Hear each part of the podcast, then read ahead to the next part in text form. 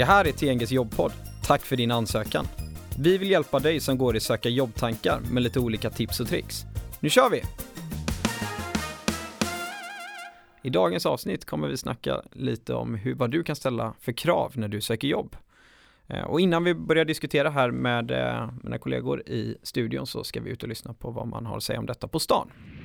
Vilket krav skulle du vilja ställa men vågar inte med rädsla att vara för krävande och därför inte få jobbet?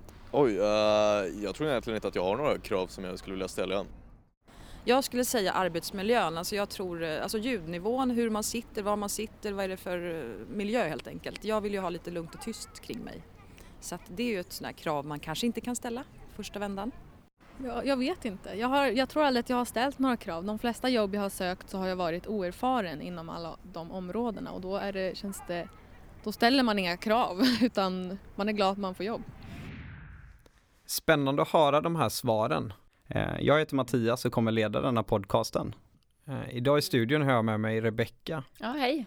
Och Julia. Hej, hej. Som båda jobbar som rekryterare på TNG. Yes det som jag uppfattar när vi lyssnar på intervjuerna på stan det är ju att man är rädd för att ställa krav. Eh, är det så att eh, det är tufft att ställa krav eller hur gör man? Ja, jag skulle nog säga att man uppfattar det som att det är svårt att ställa krav som kandidat. Ehm, jag träffar ju många som kanske inte har jobbat jättemycket sedan tidigare och sådär och då ehm, är det svårt att veta vilka krav är okej att ställa och där försöker jag alltid uppmuntra till att eh, se det som ett ömsesidigt möte, en ömsesidig arbetsintervju. Det är självklart så att arbetsgivaren ska vilja ha dig eh, på företaget och du ska sälja in dig själv. Men de ska också sälja in de som arbetsgivare. Mm. Och där ska ju du se till att du trivs med dina arbetsuppgifter, att du passar med, ja, med kollegor och i arbetssättet och, och sådär. Och det är ju jättemycket som måste klaffa. Mm.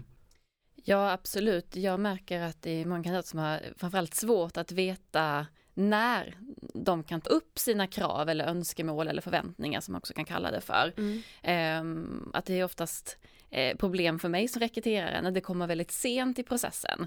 Eh, man kanske vet om att eh, jag ska på en resa eh, första veckan där det är tänkt att tjänsten ska börja. Mm. Och så säger man det sista steget. Det kan Ofta är det inte problem, men det är bra som jag rekryterare vet om det längs vägen och kan ha med mig den informationen till kund också. Precis, mm. det är kanske inte så här vilka krav man ställer utan hur man ställer kraven. Ja.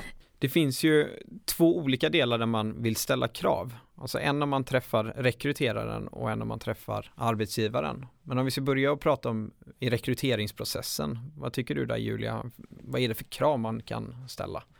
Ja, krav eller, ehm, eller förväntningar man kan ha på en rekryterare är att man ehm, har man haft ett personligt möte så ska man få personlig återkoppling, självklart. Och det kan man väl sammanfatta i just att beroende på hur långt man har kommit i rekryteringsprocessen mm. så kan man också ha olika förväntningar eh, som arbetssökande eh, och därmed mm. också ställa krav på rekryteraren i vilken typ av återkoppling eh, men också kanske framföra sina önskemål eller krav på sitt framtida jobb. Mm. Ja, precis, för det känns ju som den delen blir ju den är ju jätteviktig i just vad du har för önskemål. Någonstans känns det som det är viktigt för er att ta reda på det så tidigt som möjligt. Framförallt om vi ska prata med om arbetsgivaren där efteråt liksom. Alltså vad har kandidaterna för olika önskemål? Det kan ju vara att man har önskemål om eh, sin arbetsmiljö. Eh, det kan ju ha att göra med hur man Mm. mår. Att man kan absolut göra ett jättebra jobb men jag behöver kanske en ergonomiskt anpassad arbetsplats. Mm. Eh, till, jag tror du Julia som haft exempel med någon som vill ha hunden med sig på jobbet. Mm. Eh, kan ju funka jättebra på vissa arbetsplatser men det är bra att jag som rekryterare vet om det tidigt i processen så jag också kan matcha det mot den arbetsgivaren eh, som ni tänkt att uppdraget ska vara hos. Jag förstår nästan där vad du menar för jag tänker att man själv sitter i den här intervjusituationen. Är det en diskussion man kan föra med er som rekryterare och verkligen mm. ta upp och diskutera då? Alltså för det känns som ett sätt att kanske släppa lite på garden att man är rädd för att ställa sina krav eller sina ja, önskemål. Men alltså, vad, vad, får jag ut av eh, den här arbetsplatsen? Vad får jag av er? Mm. Det är en väldigt rimlig fråga att ställa som jag sällan hör under intervjusituationerna. Mm. Mm. Och där skulle jag vilja lägga till den aspekten att det handlar väldigt mycket om hur man för fram sina krav. Mm. Eh, eller förväntningar eller önskemål, vad vi nu ska kalla det för. Eh, det är klart att jag vill veta så mycket som möjligt om min eh, kandidat, alltså om den arbetssökande, för att kunna göra eh, en bra matchning mot, mot de kunder vi har, det vill säga de framtida arbetsgivarna. För personen Mm. som arbetssökande. Ja. Precis. Ehm, och där, det handlar ju om hur man gör det. Eh, att man gör det med nyfikenhet, en välvilja. Ehm, jag har de här önskemålen, gå det till mötesgå. Mm. Eh, snarare än just ställa hårda fakta och det här är ett måste. Eh, det kanske är ett måste, men se det som en diskussion, precis som du sa, att det är ett ömsesidigt möte där båda parter ska hitta varandra. Mm. Och det blir mycket lättare om man har den, den positiva inställningen, nyfikenheten till att ta reda på om man kan få sina förväntningar uppfyllda. Ja. Jag skulle vilja testa en eh, sak med er här och eh, nämna några olika krav Mm. eh, där ni får svara om det är rimligt att använda sig av det i olika intervjutillfällen. Mm. Shoot. Jobba hemma. Absolut ett rimligt krav om det finns de möjligheterna i jobbet. Tjänstebil. Mm. Både ja och nej. Alltså återigen, behövs det i jobbet så, eh, så absolut. Men ehm, ja, jobbar man i Stockholm så kanske Mm. det finns annat sätt att ta sig fram. Flextid. beror på absolut vad du har för anledning till att du efterfrågar det. Mm. Eh, men det är ju någonting som många arbetsgivare kan tillmötesgå. Eh, men jag skulle gärna vilja veta mer om syftet till det. Mm. Kollektivavtal. Ja, det tycker jag man kan ställa krav på. Personlig återkoppling.